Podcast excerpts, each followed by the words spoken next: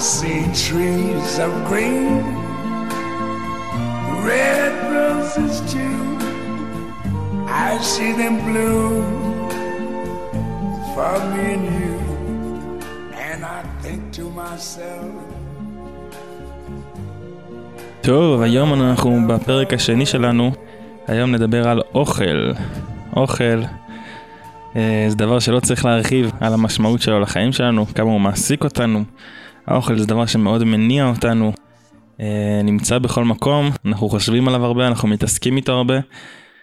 אה, להכין אותו ולאכול אותו, והוא אפילו נותן לנו ככה, אני חושב, איזה מסגרת לחיים. החיים שלנו במבט מסוים, הם קצת נעים בין ארוחות. פותחים את היום ככה עם ארוחת בוקר וארוחת צהריים באמצע ומסיימים אותו עם ארוחת ערב. וזה באמת אה, דבר מאוד משמעותי בחיים שלנו. כמעט הייתי אומר שהיום אנחנו מדברים על החיים עצמם. אה, אנחנו מדברים על, ה- על האוכל. וגם בתרבות, אכילה זה משהו שהוא, יש לו המון המון משמעות תרבותית, אה, שכמובן אה, נזכיר אותה בהמשך. וגם מבחינה יהודית, ההלכה מתעסקת המון המון באוכל. אם קודם דיברנו על נעליים, זה דבר שראינו שיש לו אזכורים משמעותיים בהלכה, אבל זה ככה, ביחס לאוכל זה אנקדוטלי. אוכל זה ממש תחום הלכתי, שנפרט את זה ככה בהמשך, אבל בהמון המון תחומים בהלכה אנחנו מתעסקים עם אוכל, וגם ה... ההיסטוריה שלנו נעה סביב אוכל. אם אנחנו חוזרים לתנ"ך, אז האדם הראשון מתחיל עם האוכל, מקבל את המצווה של אה, מכל עץ הגן אכול תאכל, ומעץ הדעת טוב ורע לא תאכל. זה ממש ככה כמעט המצווה הראשונה לאדם חוץ מהפרו ורבו. ומכאן מתחילה ככה גם ההיסטריה, גם ההיסטוריה סביב האוכל. אה, אחרי חטא- אדם הראשון, אז אה, יש לנו את הקללה של ארורה האדמה, בעיצבון תאכלנה, ואנחנו מתגלגלים לנוח, ששותה מן היין, יין זה כבר אה, מאכל חשוב בפני עצמו, קובע ברכה לעצמו, ויש מן היין ויתגל בתוך העולו, ועם אברהם אבינו אל הבקר אברהם, ובפרשה שלנו חיי שרה שתה וגם גמליך אשאב, ויצחק מוצא מאה שערים כשהוא זורע באדמה, ויש רעב בארץ שמוביל אותנו למצרים, והתנועה הגדולה, כל התנועה הגדולה של אה, שיעבוד מצרים, אחר כך גם מתחילה עם הצורך של בני ישראל לרדת אה, למצרים בעקבות הרעב, וחלומות יוסף, אנחנו מעלמים עלומים, והשיירה שיורדת למצרים, להביא נכואות, נכואות וצרי ולות, הולכים להוריד מצרימה ועוד ועוד ועוד ועוד, ממש זה נראה שאחד הדברים, אחד הצירים שמקדמים את הסיפור המקראי, או לפחות תופסים בו אה, מקום מאוד דומיננטי זה האכילה. אז מה אתה אומר הרב וילק, ההיסטוריה מתרחשת תמיד במטבח? אה, כן, ככל הנראה, הרי אה, כל הדברים הללו מגיעים בסוף, אה, כל האירועים הללו שציינת רק מספר בראשית, עוד לא התחלנו את, את ההמשך, את, ה, את מצרים, את השומים והבצלים והלאה והלאה, אה, והקורבנות כמובן, זה לא נגמר. אה, אבל יותר מזה, אנחנו אפילו לא סיימנו שם, יש כל כך הרבה מאכלים מסורתיים. אה, שכולנו מחוברים אליהם, אז אני לא אוהב את ה... לא נעים להזכיר את המאכלים המסורתיים המשפחתיים שלנו, שהם אה, שלנו, ונשמור אותם אצלנו, אבל אנחנו קרובים לחנוכה וסופגניות, ואחר כך פורים, יש אוזני המן, ואצל הצד, צד אחד במשפחה שלי הספינג' הוא מאוד חשוב, והבת שלי מומחית בהכנתו, ואנחנו אוכלים בשבת חלות, ויש אה, ביצים אה, באבלות, וביצים באפר בערב יום כיפור, ויש את החומוס של שלום זכר, ותפוח בדבש, וכל כך הרבה סימנים כבר. אה, של, של ראש השנה, מאכלי החלב של שבועות, על האש של יום העצמאות, זה גם כבר נהיה מסורת, נכון, שכולם כבר אה, אה, בתוכה, והפירות היבשים, שזה מגוחך, אבל זה הפך להיות מנהג של אה, ט"ו בשבט, החמין של שבת, הקוגל של שבת, אה, הדג המלוח, אה, שאני לא יכול לעבור שבת בלעדיו, לביבות, היין, נראה לי שאתה לא יכול לעבור שבת בלי יין. נכון, זה נכון לגמרי. לכל אירוע יש נעליים ולכל זמן יש אוכל. וברור ממילא שהזיכרון היהודי עובר תמיד דרך המטבח, או לפעמים עומד מול המטבח ואוסר להיכנס אליו, אבל זה כלומר ב- בימי הצום, ופה אנחנו כל הזמן עסוקים לאכול בסוכה, אפילו יוצאים מהבית צריך שיש שם מטבח. ואני הרבה פעמים אומר לתלמידים, אה, ובחתונות שאני מחתן, אה, הפסוק אומר, טעמו ראו כי טוב השם. ואז ממילא, כאשר אנשים חושבים, נגיד, למה צריך לשמור שבת? למה צריך, אה, אני יודע, לשמור כשרות? אז אנשים אומרים לי, יש לך איזה ספר? כאילו, להסביר לי את זה? אז אני יכול לשלוח לו את הספר של הרב קנול, זכר צדיק לברכה, אה, על ואכלת ושבעת, אני יכול לשלוח כל מיני ספרים. יש לי מראה המקומות אה, שלנו בישיבה, הוא לא קטן. אני יכול להסביר למה שבת וכולי, אבל הרבה פעמים אני אומר, טעמו, ראו כי טוב השם, אז אם אתה רוצה להבין טעמי מצוות, לך למטבח. ולא לספרייה. דרך המטבח עוברים, עוברות טעמי המצוות. במובן הזה אני יודע שזה רק אה, רמז ורק אה, מדרש ולא פשט הדברים, אבל באיזושהי תקופה החליטו חכמינו שהיהדות, קביעת היהדות הולכת לפי האימא, ולא לפי האבא. המקורות הראשוניים בתנ"ך אנחנו לא בטוחים כל כך, אבל ברור לנו שחז"ל החליטו שהיהדות לפי האימא. ויש לי תחושה, וגם התורה אומרת, שמע בני מוסר אביך, אבל את התורה אתה מקבל מאימא שלך. עכשיו, למיטב הבנתי, האימהות, ודאי בעולם הקדום, לא העבירו תורה, הם לא לימדו, הם לא ידעו קרוא וכתוב בכלל, הבנים היה להם את הפריבילגיה הזאת, אם בכלל, אבל בטח לא לנשים. אז למה תורת אימך? כי שוב, טעמו ראו כי טוב השם. יהדות, מסורת, תורה, עוברים דרך המטבח. אחר כך הולכים לספרייה גם כן, בשביל להשלים את מה שנשארנו רעבים קצת, את המנה הראשונה האחרונה, אבל בסוף המנה העיקרית שלנו זה דווקא כל הרשימה של הדברים שאמרנו. ולא סתם, אני חושב, התורה קבעה והתחילה, אוכל אסור, אוכל מותר. כן, מכל עץ הגן אכול תאכל, אני חולק עליך על הפרו עורבו, חז"ל אמנם הפכו את זה למצווה, אבל בתורה זה ברכה. כן, המצווה הראשונה היא מכל עץ הגן אכול תאכל, ומפרי העץ אשר בתוך הגן לא תאכל ממנו. כלומר, יש, המצוות הראשונות שמצטווה האדם בעולם, זה קודם כל מה הוא צריך לאכול, ואחר כך מה הוא אסור באכילה.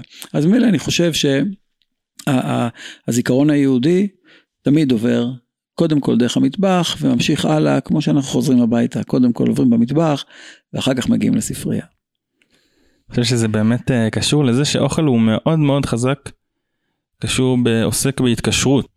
באמת האוכל הוא אמצעי מאוד אפקטיבי של זיכרון, כי אנחנו מתקשרים למה שאנחנו אוכלים. אנחנו מכירים את הביטוי הזה של האוכל של אימא, היום גם יש את האוכל של אבא, uh, בדור שלנו. אבל באמת האוכל הוא משהו שהוא מאוד מאוד חזק, uh, מבטא את ההתקשרות. אני אבא צעיר, חדש חודשיים, ואתה רואה כמה כמה זה נסוב סביב אכילה, כמה האכילה היא, היא כל כך ה... הלוז של, של אימא מניקאי, כמה הוא קשור לדבר הזה. ו, וגם אנחנו רואים איך שהאדם מתקשר כבר מינקות כפשוטו למקום שנותן לו את האוכל שלו. האדם מתקשר, התינוק מתקשר לאימא דרך האכילה, דרך האוכל, ו, ובזה אני מאוד מתחבר לדברים שאתה אומר של תורת אימך, שגם כש, כשהילד גדל, אז עדיין, המטבח זה הדבר שהכי מסמל את הביתיות, הכי יזכיר לו זיכרונות גם ל...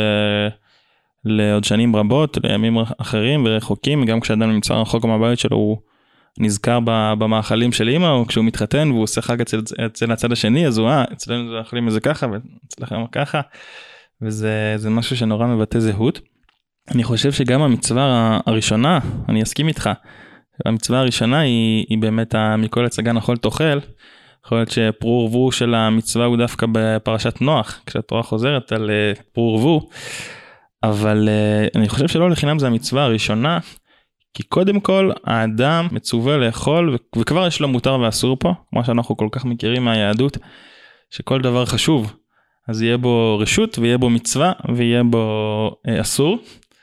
אז יש לו אסור ומותר ואני חושב שזה מצווה המצווה הראשונה ומצווה דומיננטית, כי האדם מקבל את החיים שלו מהקדוש ברוך הוא, ובזה שהוא מציית סביב האוכל לקדוש ברוך הוא, אז הוא, אז הוא, אז הוא, אז הוא מבטא והוא מכיר מאיפה הוא, מה, מה מקורו, מה מקורו, מה ראשיתו, מהיכן הוא מגיע, ו, ואז כמו שהתינוק הוא, הוא קשור לאמו והאוכל שלו בעצם הוא, אני חושב חווה את זה באופן טבעי ובזה הוא, הוא מבין שהחיים שלו מגיעים מהאימא ולכן הוא, הוא נוצר קשר כל כך חזק אל האימא אז גם האדם הראשון בגן עדן הבין שמרגיש איך האוכל שלו מגיע מ...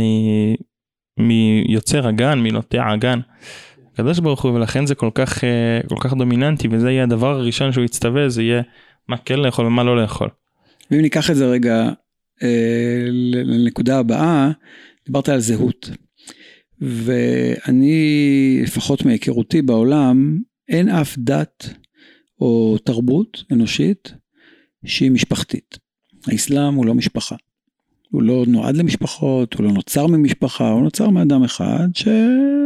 נכון, נכון שאנחנו מכירים את נשותיו של מוחמד, אבל זה לא העניין. ישו ודאי שהשאלה הזאת של זוגיות שם לא עמדה על הפרק, למרות שאנחנו מכירים את, את השאלות הללו. ואצלנו היהדות מתחילה משפחה. כן, כלומר אברהם הולך אז יש לו, כן, יש לו אישה ויש לו אה, עבדים ואחר כך יהיו לו ילדים והקדוש ברוך הוא בוחר את אברהם לא בגלל אברהם אלא כי ידעתיו למען אשר יצווה את בניו אחריו, כלומר יש משפחה. והרבה אנטישמיות נוצרה בגלל זה, כי אנחנו נתפסים כאליטיסטים. מי שלא שייך למשפחה לא יכול לבחור לבוא אליה, אתה צריך להיות ראוי למשפחה הזאת, לברית הגורל ולא רק לברית הייעוד. בעוד אם אתה מוסלמי או נוצרי או בודהיסטי או מה שלא יהיה, יש רק ברית ייעוד, יש רק כוונות ואמונות, אין גורל משותף. כן, אין גורל משותף לאיראן ולעיראק. לצערי הם כרוכים אחד בשני והורגים אחד את השני, אבל אה, באופן כללי. וממילא, כאשר אנחנו מדברים על זהות שהיא משפחתית, אז עם כל הכבוד לספרייה, החדר המרכזי בבית, זה מה שהבית עושה, זה להשיג את מקורות המזון ולבשל. כלומר, אנחנו בסוף, כדי שהמשפחתיות הזאת תישאר, האוכל הופך להיות מרכז העולם היהודי. אני יודע שזה נשמע גרגרני, אחר כך נדבר על זה, נשמע קצת רע, כי לכאורה אנחנו תופסים את עצמנו כדת אה, רוחנית ומשמעותית, אבל בסופו של דבר, חלק גדול מעולם התורה עסוק ב, ב, באוכל. ולא זו בלבד, גם כשאנחנו הולכים למקדש, כן, לכאורה אתה עוזב את הבית שלך, לא המטבח הוא העיקר, אתה הולך להר הבית, אתה הולך למקדש, נכנס פנימה, ומה קורה שם? אחד המטבחים הגדולים בעולם. נכון, בית המטבחיים הזה שבו אוכלים, שנתפס, ב, נכון, בעיני אדם מודרני, היום הרבה אנשים, אחדים מחבריי הטובים ביותר, מזדעזעים מהאפשרות הזאת שאנחנו נהיה סביב מטבח. כן, והמקדש, קורבנות ודם וזה, אה, צריך להתפלל במקדש. אבל ביום העצמאות כולם עושים על האש. כן, בחגיגה הם מבינים שאם עכשיו, אה, ואם כולם צועקים צנטר, צנטר, מנחה, כן, צריך לגרור אותם מעל האש הרבה מאוד, אז, אז איך במקדש אתה רוצה, אתה רוצה תפילות ורוח ולא יודע מה. בסוף, אם יש שם מטבח ותפילות, אתה תלך לאוכל. ממילא זה טבוע, דבר שכל כך טבוע בנו. אני לא חושב שיש תרבות ועם ברור שהאוכל הוא תמיד חשוב בכל התרבות האנושית, יצירת האוכל, האסתטיקה שלו וכולי, שאולי דברים שנדבר עליהם בהמשך, אבל ברור לי שאין אין אפשרות כזאת לאף עם בעולם לשים את המטבח, את, את שולחן האוכל של השבת וגם של ימי החול ושל החגים, ויש לנו כל כך הרבה חגים אה, במוקד, ואני חושב שזו המשמעות הגדולה של, ה, אה, של האוכל.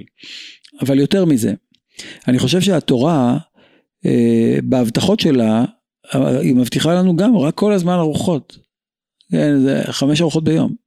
כלומר, ואספת דגנך תירושך והיה אם שמוע תשמעו, מה יקרה? אז הקדוש ברוך הוא לא מבטיח את מה שאני מבטיח לתלמידים שלי בישיבה. סיפוק וערך וחינוך וכולי. התורה לא מדברת על דברים כאלה. זה, אנחנו מבטיחים לתלמידים שלנו כי אפס להבטיח להם שארוחת ערב תהיה נפלאה, אין לי כסף. אז אבל הקדוש ברוך הוא... מבטיחים יותר טוב בגבעת רם מאשר אצלנו. אה, כנראה, כן. ומי שלומד פה תורה, קשה לי להבטיח שיהיה לו פרנסה אה, גדולה. אנחנו מכירים את המצב. אבל אנחנו, אנחנו מבטיחים דברים, אבל אנחנו מקווים שהקדוש ברוך הוא יעמוד בהבטחותיו, והוא זה שפותח את ידיך ומשביע לכל חי, כן, שיהיה שובע בעולם. אלו ההבטחות שלצערנו הגדול ההיסטוריה היהודית, שעברה, יצאנו לגלות ולא היינו רואים לארץ הזו, ואז הסתפקנו ברוח ובסיפוק ובעבודת השם וכולי, כאשר בסוף כל מה שהתורה רצתה שיהיה לך ארוחת ערב כמו שצריך. וזה נתפס שאני כאילו מקטין את העולם היהודי, שאני הופך את זה לסך ארוחת ערב, אבל בעיניי זו המשמעות הגדולה של איש תחת גפנו ותחת תאנתו. כאילו המקום הזה של שם אשב כי הביתיה. כן, במקום הזה שדרך דרך החיים, דרך האכילה, אנחנו מקדשים את העולם. וזה גם המובן של יין, שהערת לי שאני מאוד, ידוע, אני מאוד אוהב יין איכותי. משתדל לדעת להעריך אותו, ו... אבל לא אני קבעתי שהיין חשוב, חז"ל להבדיל נגיד מהאסלאם שאוסר את האלכוהול, אצלנו יין זה קידושין, זה עושים עליו קידושין, עושים עליו קידוש. אנחנו לוקחים את האוכל ודרכו מקדשים, בפת ובלחם מקדשים את השבת, מקדשים את, את ברית המילה, מקדשים כוס של ברכה ממש, בכל האירועים החשובים שלנו, אנחנו סביב היין. הזכרת לי בהקשר של המקדש, מה שדיברנו בפרק קודם, על זה שבית המקדש הוא קודם כל הר, הר הבית, וזה בית, ובית אה, בלי מטבח זה לא בית.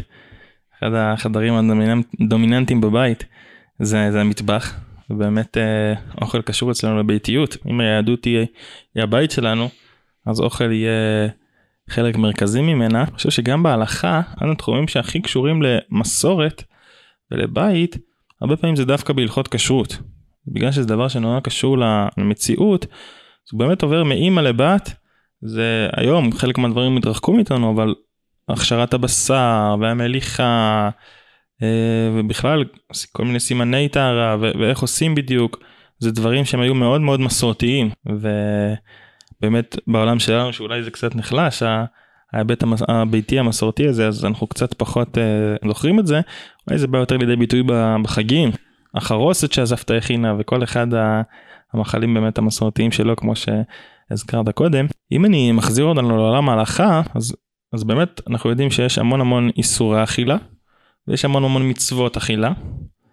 זה רשימה חלקית, אז בעולם איסורי אכילה יש לנו, יש לנו כשרות, אה, שהיא מורכבת משחיטה וטרפות ובשר בחלב ומאכלות אסורות. יש לנו את המצוות התלויות בארץ שתמונת הראי שלהם זה האיסורים של העורלה והתבל ועצם אכילת הבשר בהתחלה היה אסור ואחר כך הוא הותר ואיסור חדש והימים שאסור לאכול בהם כמו שהזכרנו קודם הצומות.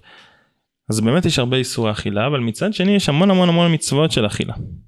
גם אה, עולם של מצוות אכילה שלם שכבר אין לנו כמו שהזכרנו זה עולם קורבנות.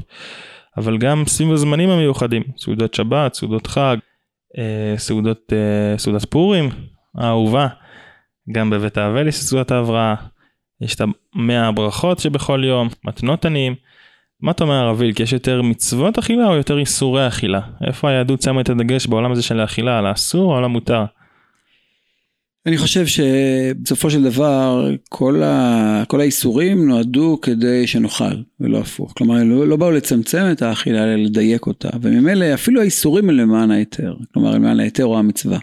אני מפריש מעשרות נכון שזה בגדר האיסורים אבל כמו שאמרת זאת תמונת ראי לצורך הזה לאכול מפירות שהשתבחה בהם ארץ ישראל. כן שאסור לטמא אותם אה, ויש להם חשיבות גדולה ואנחנו מביאים אותם למקדש מעלים בביקורים אה, וכולי וכולי. אני חושב שבסופו של דבר העולם היהודי, כמו בכל דבר, הוא תמיד היה פרו-לייף, הוא תמיד היה בעד הבעד. מצוות תעשה הם העיקר. המצוות הלא תעשה הם המסגרת שבתוכה אנחנו חיים, בתוכה, כן, מצוות הלא תעשה יש עונשים. מצוות תעשה אין עונשים כמעט. כלומר, שם זה הבחירה, שם זה החיים, שם זה המציאות, שם זה המקום של השפע, ובשפע אין איסורים, לא צריך להגיד לאדם לאכול.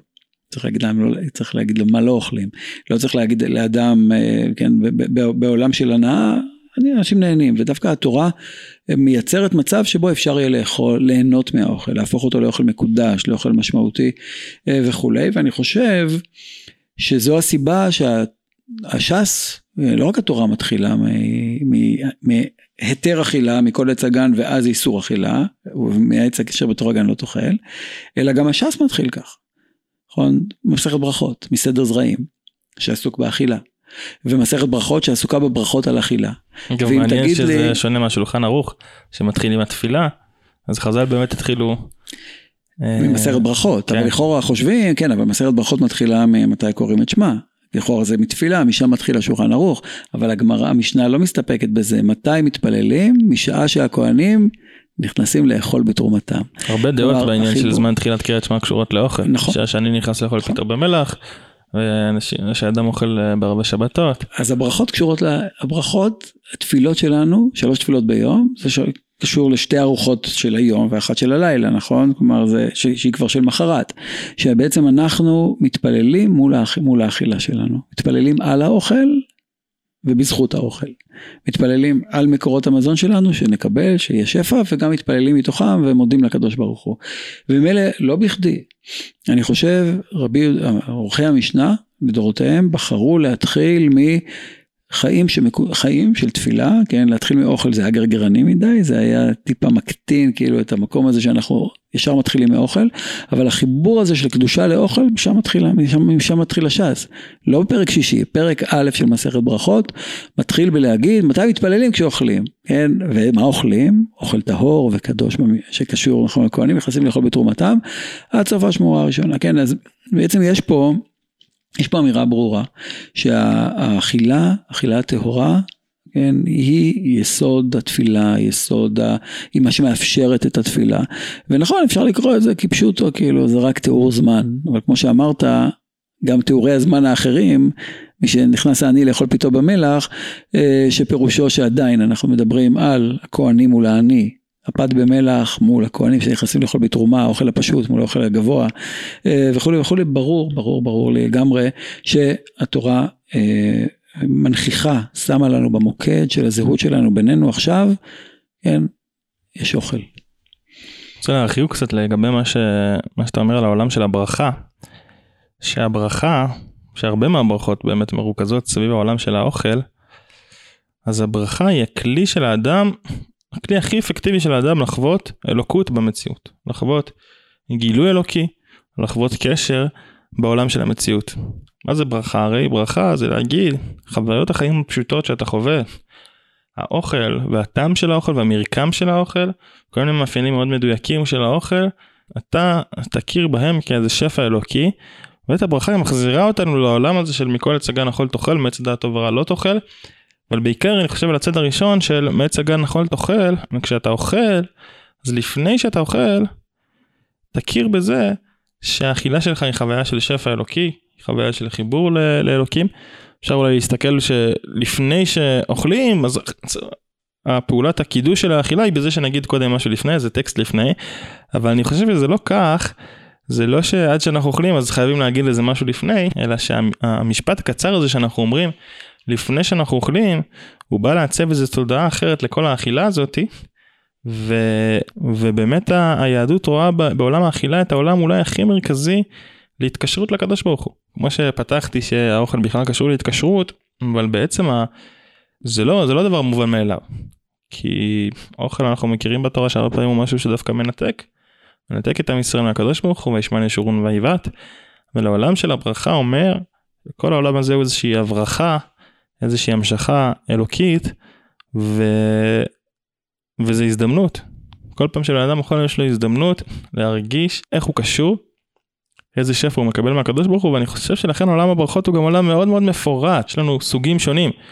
ברוך השם יום יום, כל יום הבא נותן לו מעין ברכותיו. יש שידור מיוחד בברכות כשהברכה יותר מדויקת. כשהמין משתנה קצת, אז אנחנו מאפיינים את זה. Uh, עד כדי יש דעות של תנאים ש... שלא נפסקו להלכה שממש ממש יורדות לפרטים. כאילו את רבי יהודה של בורא מיני תשעים, בורא מיני ירקות וכל מיני אפיונים מאוד מאוד מדויקים. אז העולם של הברכה אומר לך לא רק תכיר בזה שהאכילה שלך יש לה מקור, אתה יכול להתחבר דרכה, אלא היא אומרת, תשים לב טוב טוב למה שאתה אוכל גם לטעם ולריח ולמרקם, תחווה את העולם של האכילה. כמו שריהל אומר בכוזרי, שאדם שמברך אז חוויית האכילה שלו היא גם יותר משובחת, ותחווה את זה בדיוק. בעולם הזה של האכילה, אתה יכול ממש לחוות אותו כחוויה דתית עמוקה. זה, אני חושב שבגלל זה, הש"ס מתחיל עם זה, אני חושב שאם היו שואלים אותי במה העולם הדתי, העולם הדתי היום צריך להתחזק, אז uh, עוד פעם ידברו על כל מיני תחומים, שמרניים יותר אולי ידברו על צניעות וקדושה, ובעולמות uh, ליברליים יותר אולי ידברו מאוד על בן אדם לחברו, על ראיית האחר. אני חושב שהייתי אומר בברכות. מה זה בברכות? זה לא ב- לברך את הברכה הנכונה או לא להגיד משפט. רוב ה... אני מקווה לחשוב. אולי אני נאיבי אבל שרוב האנשים הדתיים מברכים לפני שהם אוכלים לפחות את הברכה שלפני שהיא גם קצרה. אבל אני חושב שזה לא מספיק. ההתחזקות בעולם של ברכות הכוונה שאדם שאוכל יהיה לו ממש חוויה של חוויה דתית חוויה עוצמתית חוויה של שפע חוויה של ברכה וחוויה של חיבור. כשהוא באמת אה, זוכר מאיפה הוא מקבל את זה זה לא רק זוכר כמו שאמרנו דיברתי על ההענקה כפעולה של התקשרות אז כל אכילה יכולה להיות פעולה של התקשרות, כשאדם מברך וחווה אותה כפעולה של קשר עם הקדוש ברוך הוא, ואני חושב שאם אנשים היו מברכים יותר, אז הם היו מוצאים יותר את הקדוש ברוך הוא בעולם שלהם. כן, יכול להיות שזה גם, אה, היו מאפשרים לי יותר לעשות זימון, ואז תמיד הייתה חבורה, שלושה ועשרה, וככה אולי גם זה מחבר בין אנשים. תרשה לי להוסיף, מאוד יפה, לדברים, לדברים שאמרת מאוד יפים, ש...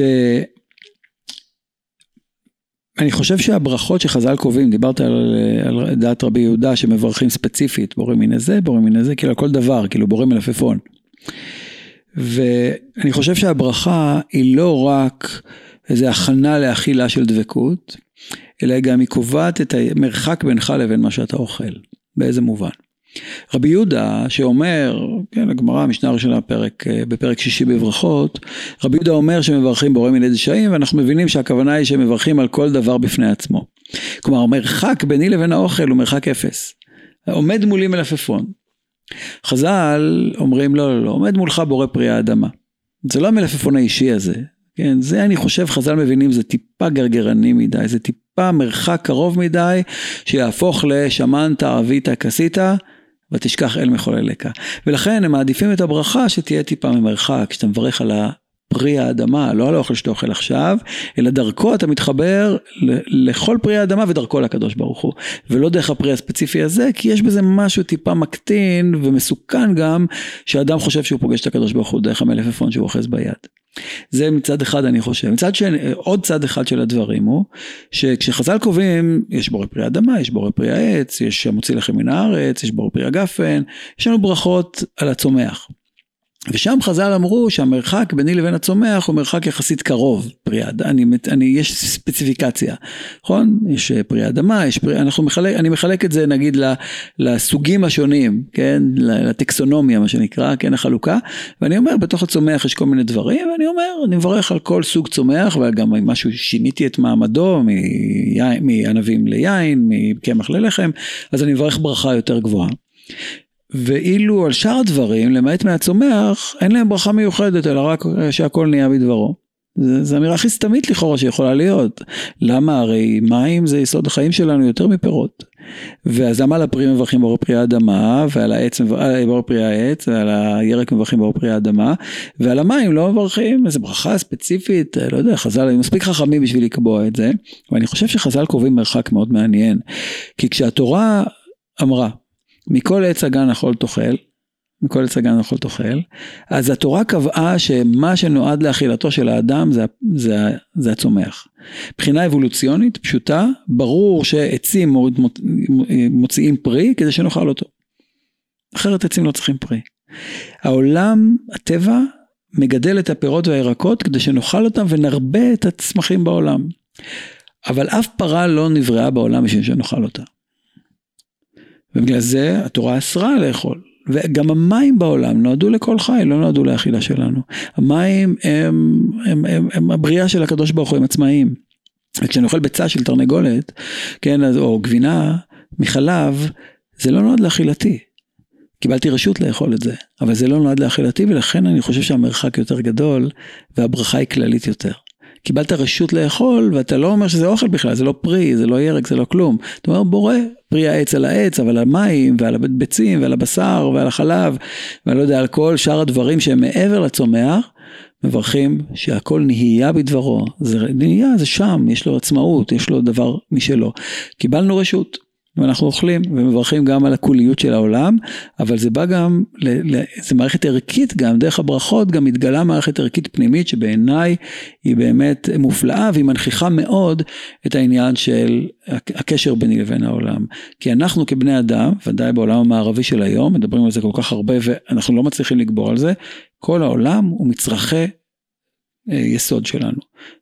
אנחנו, הכל אנחנו חושבים שנועד לצורכנו, הכל אנחנו חושבים שאנחנו יכולים לצרוך כי זה שלנו, כן, ה-greediness, כאילו הח, הח, ה, ה, החימוד של העולם, כן, הלא תחמוד שאנחנו עוברים, האוויר הוא שלנו בשביל להשחית אותו, המים שלנו בשביל להשחית אותם, הכל הוא שלנו, הנפט באדמה הוא שלנו כדי שננצל אותו, אנחנו עסוקים בניצול בלתי נלאה של משאבים, והתורה קבעה, חבר'ה, תכבדו, תסתכלו על הדברים באופן, באופן ישר יותר.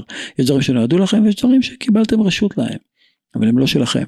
הקדוש ברוך הוא נתן רשות, וברגע שמכבדים דרך הברכות, נקבעת מערכת ערכית שבעיניי אמרת שחבל שאנשים לא מברכים, אולי אם היינו מסבירים ומראים את הברכות הללו, אז גדולי אנשי כדור הארץ היו מבינים עד כמה חשוב, אה, חשוב לברך על, לברך על המזון כדי להעריך אותו ולא כמונו שזורקים כל כך הרבה אוכל. כן, ומצד אחד זורקים כל כך הרבה אוכל, מצד שני רואים את הכל כמצרך. כן, חווינו את זה לאחרונה בשמיטה, שפתאום אומרים לאדם, תזרוק רק את השאריות. זה אמור להיות דבר פשוט, אדם אוכל, הוא בדרך כלל משאיר את השאריות. רואים כמה זה, בעולם של שפע זה מאתגר, כמה, כמה באמת זורקים אוכל שהוא טוב. ו, ובשנת השמיטה חוזרים לאיזה עולם שבתי, שבו אנחנו צריכים להיזהר מה, מהזריקה הזאתי, ומכאן גם לששת השנים. דיברת על המרחק, שאדם מצד אחד, אה, כמו שאני דיברתי, חווה את ההתקשרות דרך האוכל, ויש בזה גם סכנה, איזושהי הגש... סכנה של הגשמה והחפצה. חושב שהנקודה של המרחק מהאוכל היא נקודה מאוד משמעותית, הרבה בחסידות דיברו על זה, שהאדם לא יורד אל האוכל כשהוא אוכל אותו כמו בהמה, אלא הוא מגביה את, ה, את האוכל אליו, ממש הפונקציונליות הזאת של סכו"ם, ש, שאדם מעלה את האוכל אליו, זה ממש נתפס כנקודה רוחנית חשובה, ו, ואני חושב שזה באמת נקודה משמעותית, שאדם הוא לא יורד לזה, אלא הוא מעלה את, ה, מעלה את האוכל אליו, אה, וזה נוגע בנקודה מאוד מאוד קיומית אצל האדם. באמת כשאנחנו באים לאכול, אנחנו... חושפים את הנקודה שמשותפת לנו ולכל בעלי החיים. במובן הזה אנחנו באמת אורגניזם, אורגניזם ביולוגי פשוט, כמו שהפרה וכמו שהזבוב, כמו שכל אורגניזם הוא אורגניזם, באמת זה, זה צד חייתי בנו ואי אפשר להתכחש אליו. ברגע שבן אדם מתכחש אליו הוא נורא נורא מהר חווה את זה, חווה אותו והגוף אומר את שלו.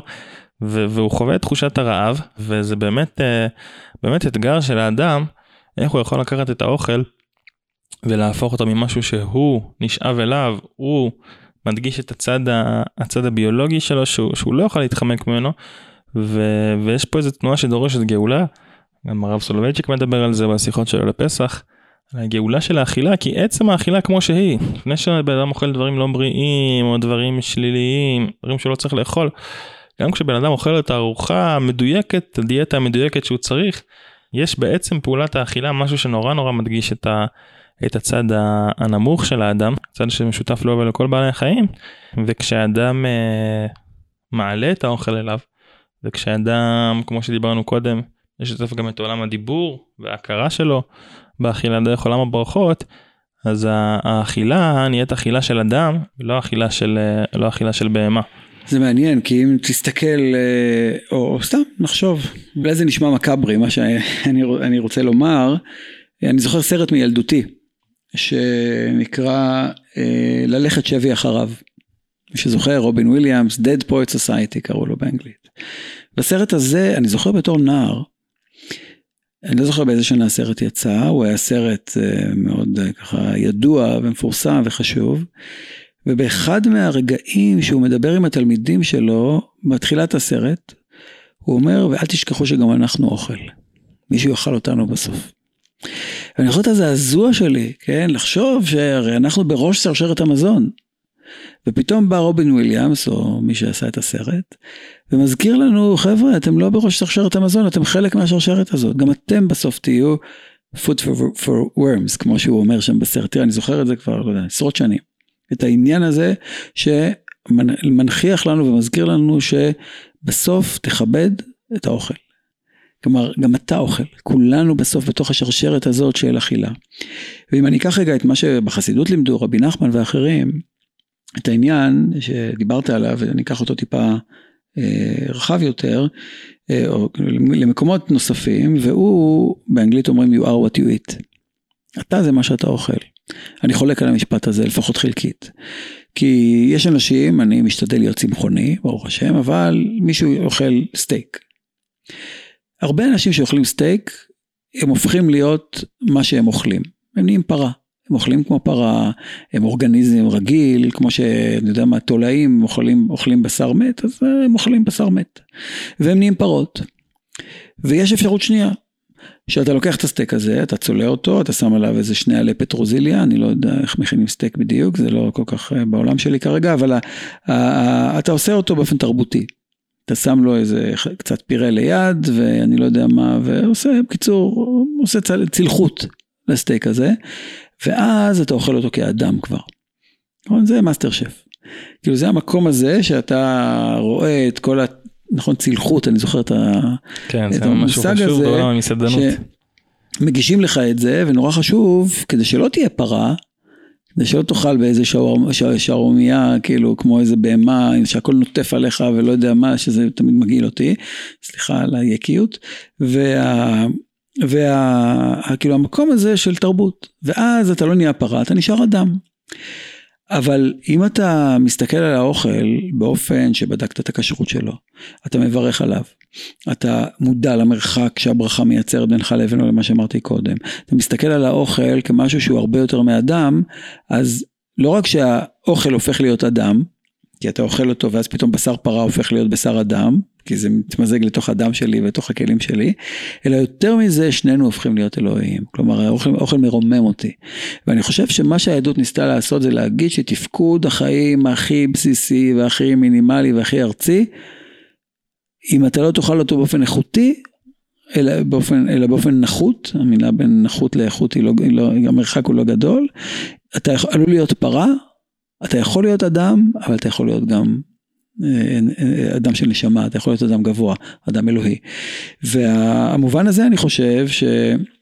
אני חושב שרבי נחמן מלמד אותו ואחרים, אה, זה, זה אולי סיכום של הדברים שאמרת, סיכום והרחבה אולי של הדברים שציינת לגבי כאילו המקום של, ה, של האכילה, המקום של האכילה בחיים ההלכתיים והתרבותיים שלנו. אם אני אסכם את מה שאתה אומר, זה או שאתה מה שאתה אוכל, או שהאוכל הוא מה שאתה. ואתה, כל אדם בוחר ביניהם בפעולת האכילה שלו, האם הוא הופך את האוכל, את האוכל למה שהוא, או שהוא נהיה מה שהאוכל. אה, הזכרת קצת את המקום התרבותי של האוכל, אני מדמיין ככה את הטחינה שנוטפת מהשווארמה שכל כך אה, מרתיעה אותך. אה, אנחנו יודעים, אולי נדבר טיפה על, המקום התרבותי שהאוכל תופס. אחד המוסדות אני חושב האנושיים הכי הכי חשובים אה, לפחות בתקופה המודרנית זה בתי הקפה.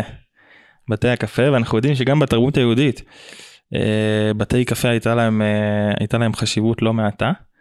רוצה לספר לנו על זה קצת? כן כן זה נושא שאני חושב עליו הרבה ועסוק בו כשאני עצמי יושב לפגישות או, או, או סתם משפחתיות בבתי קפה. שמואל פיינר, פרופסור שמואל פיינר בספר שלו על שורשי החילון וגם אה, בספרים אחרים כמו The Poisoned Cup ואחרים, מדברים על כך שבתי הקפה היו אחד מסוכני החילון הכי גדולים. הקפה שהביאו העות'מאנים מאפריקה לאירופה בזמן הכיבושים שלהם בתחילת המאה ה-16, הביא איתו חילון גדול מאוד. ובאמת, תכף אני אסביר למה. אבל גדולי ישראל של המאה ה-16 וה-17 ועד 1948 שבירושלים נפתח בית קפה וחרדים זרקו עליו בקבוק תבערה בקפה אירופה שבירושלים. לא מזמן. משום שהפחד מבתי קפה היה פחד, פחד גדול מאוד כי זה, זה, בתי, בתי הקפה היו סוכני חילון אולי החזק, החזקים ביותר. כחלק מהתרבות. עכשיו בעבר היו בתי מרזח, היו מקומות של יין וכולי, אבל מי שהלך לשם היו אנשים שלא לייף יותר, בשוליים, וגם דרך יין לא עוברת ביקורת ולא מחשבה ולא כלום, אלא סתם נהנתנות דרך הפאב, זה מה שעושים שם, רוקדים, משתוללים וכולי. בתי קפה היו סוכני שינוי במובן הזה ששם אפשר לדבר בלי להשתכר, בלי לאבד את מצב ההכרה שלך, מקום שנתפס מאוד תרבותי ומאוד נאור והנאורות נולדה בבתי הקפה.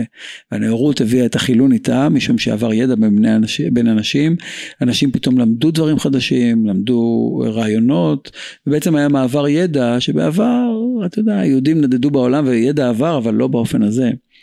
ואנחנו מכירים את רבי יעקב עמדין ואחרים שאוסרים לשבת בבתי קפה. בסוגריים צריך לומר שרבי יעקב עמדין בעצמו אה, נתפס יושב בבית קפה מרוב שגם הוא כבר התמכר לקפה והיה בעיניו נתפס כמשהו של משקה האלים החדש במקום היין, שהיין שינה את מצב התודעה והקפה הפוך שימר את מצב התודעה והצמיח אותה. אז במובן הזה בתי הקפה הפכו להיות סוכני חילון, ו... אבל היום אני חושב שבתי הקפה הופכים להיות, יכולים להיות, כלי חזק מאוד דווקא ל... אם, אם יש מעבר, כבר הסוסים ברחו מהאורווה, כולם כבר יודעים והידע נמצא שם, אבל בתי קפה הופכים להיות מקום שגם אנחנו משתמשים בו, כן, כאנשים דתיים, כאנשים שמחפשים את המקום הזה שדווקא אני רוצה, נכון, אם אני עכשיו רוצה לשבת איתך בישיבת צוות, כן, בצוות של הישיבה של מחניים, אז אנחנו נשב במשרד שלי ונדון.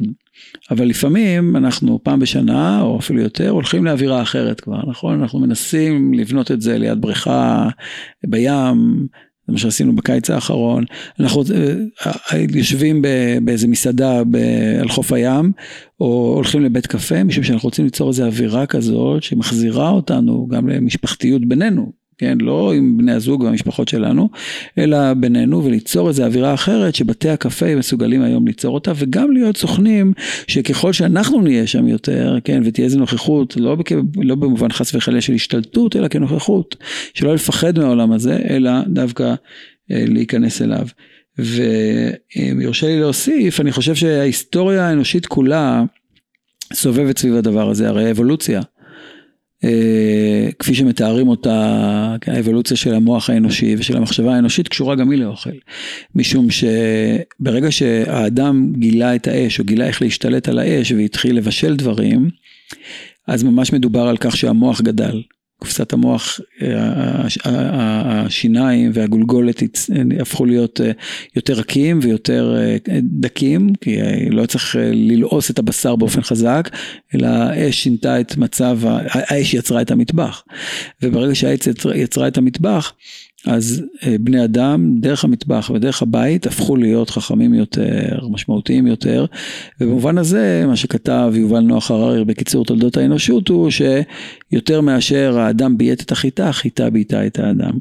כן, היא גרמה לנו לגור לידה, היא גרמה לנו לעבוד את האדמה שלה, היא גרמה לנו לבשל אותה, ומאז היא שולטת בנו בלחם, כן, ולכן התורה אולי אומרת, חבר'ה אל תשכחו, לא על הלחם לבדו יחיה האדם, כי על, מוצא, כי על כל מוצא פי השם יחיה האדם. כלומר, זה הזהירות הזאת שלא לתת לעבודת האדמה לשעבד אותנו, אבל מצד שני, הלחם כיסוד שלנו, כן, שעליו מברכים כל הזמן ועליו הברכה הכי משמעותית, נכון, על הלחם מברכים את הברכה הכי משמעותית, זה להגיד שהלחם הוא לא על הלחם לבדחי האדם, אבל כדי שלא יהיה הלחם לבדחי האדם, אני לא אומר אל תאכל לחם, אלא תאכל תאכל, אבל תזכור שדרכו יש איזה מסילה, מחילה אה, לשמיים. באמת זה דבר נפלא, השימוש שלנו באש בבישול, אנחנו לוקחים כוח נורא חזק ונורא מכלה, והוא עושה פעולת ריכוך, כמו שהזכרת, האוכל היה קשה, וכשהאוכל קשה אז, אז גם פעולת האכילה היא מבטאת כוח, צריך שיניים חזקות, צריך להיות, מנגיש את הצד הטורף שבנו, ובאמת השליטה הזאת באש, באמת יצרה אדם ש, שאוכל אוכל רך. אולי גם במובנים אה, עמוקים יותר נתנה לנו איזו רכות. ונדמה לי באמת שהקפה, אולי אנחנו צריכים לעשות פרק אה, מיוחד על הקפה, אני לא יודע, אבל הקפה אה, קובע ברכה לעצמו. אספר איזה אנקדוטה משעשעת על זה, מבחינה יהודית, שיש דיון מאוד מרתק בפוסקים האם יש בישולי נוכרים, בישולי עכו"ם בקפה. אחת הסברות זה השאלה מה העיקר בקפה, המים או הקפה. כי מים, דבר ש... שנאכל כמות שהוא חי, זה אחת ההגדרות להיתר ב... ב... בנושא של בישולי עכו"ם. זוכר שכשלמדתי את זה, אחד הרבנים שלי אמר שאחד הפוסקים, אני חושב ערוך השולחן, אולי זה מישהו אחר, זה אומר שבגלל זה מותר לשתות קפה שבישל עכו"ם, כי זה, כי העיקר זה המים. זה אומר, הפוסק הזה אולי בהלכה הוא הבין, בקפה הוא לא הבין. אה, ו, ובאמת הקפה חולק איזה, איזה משמעות אה, לעצמו ב... בעולם האכילה שלנו.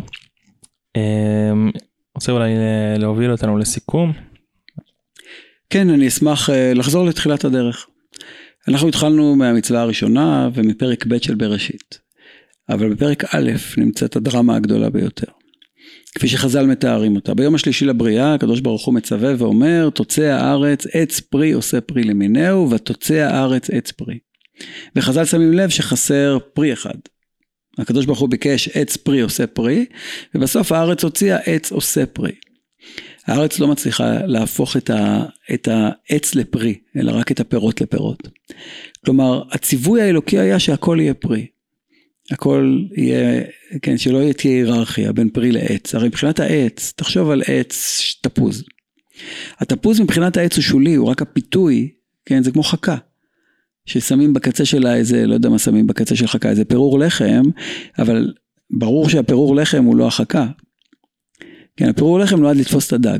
אז התפוז נועד לתפוס אותי, מבחינת העץ, העץ הוא העיקר, הוא רוצה לחיות והוא שם את הפרי בשביל שאני אהיה הפראייר התורן שיקח אותו ואשתול עוד אחד. אבל התודעה הזאת שאנחנו בסוף מסתכלים הפוך ואומרים נגד, נגד הכוונה הראשונה כאילו של העץ ואנחנו אומרים לא לא לא אנחנו רואים בפרי את העיקר והעץ הוא העץ הנדיב בואו נכלה אותו בואו נסגור אותו. וזה החטא הראשון. החטא הראשון עוד לפני חטא אדם וחווה שאכלו מעץ הדעת טוב ורע זה החטא של האדמה שלא ידעה להוציא פרי. ידעה רק להוציא עץ עושה פרי. ובעולם שלנו, לימדה, לימדה החסידות, לימדה הקבלה, התפקיד שלנו זה לעשות את הקליפות לפירות. לקחת את מה שהוא קליפה, את מה שהוא כאילו לא אכיל, אבל לא במובן שלא לא אכיל, אני לא אתחיל לאכול אבנים. אבל לקחת את הקליפות לפירות פירושו למצוא את, הא, את, את, את הטוב, את הברכה שבכל דבר, ולא להסתכל על העולם ולחלק אותו למה שמיותר ומה שלא, אלא לתת כבוד לעולם, ולתת כבוד, והגאולה של העולם זה להפוך את הקליפות לפירות, להפוך את הכל לאוכל, לא אוכל במובן ש, ש, של הצריכה שלי, אלא להפוך את הכל לפרי. כן, למשהו שהוא, שיש לו תועלת עצמית, שהוא ברכה שבעולם, ולא לחלק את העולם למה שאני לא רואה בו ברכה, ו, כן ולא. ולכן אני חושב שהרעיון הזה שמתרחב על הכל, ואני מברך על כל מיני תופעות טבע, אני מברך על הטבע באופן כללי, ואני מברך על הים, ואני מברך על מה שלא יהיה, אני מברך כדי לתת להם מקום, והכל נובע מה... מהדבר הזה של להפוך קליפה לפרי. חייב אדם לברך על הרעה כשם שברך על הטובה. תברך על אוכל, תברך גם על הרעה, כי גם היא פרי.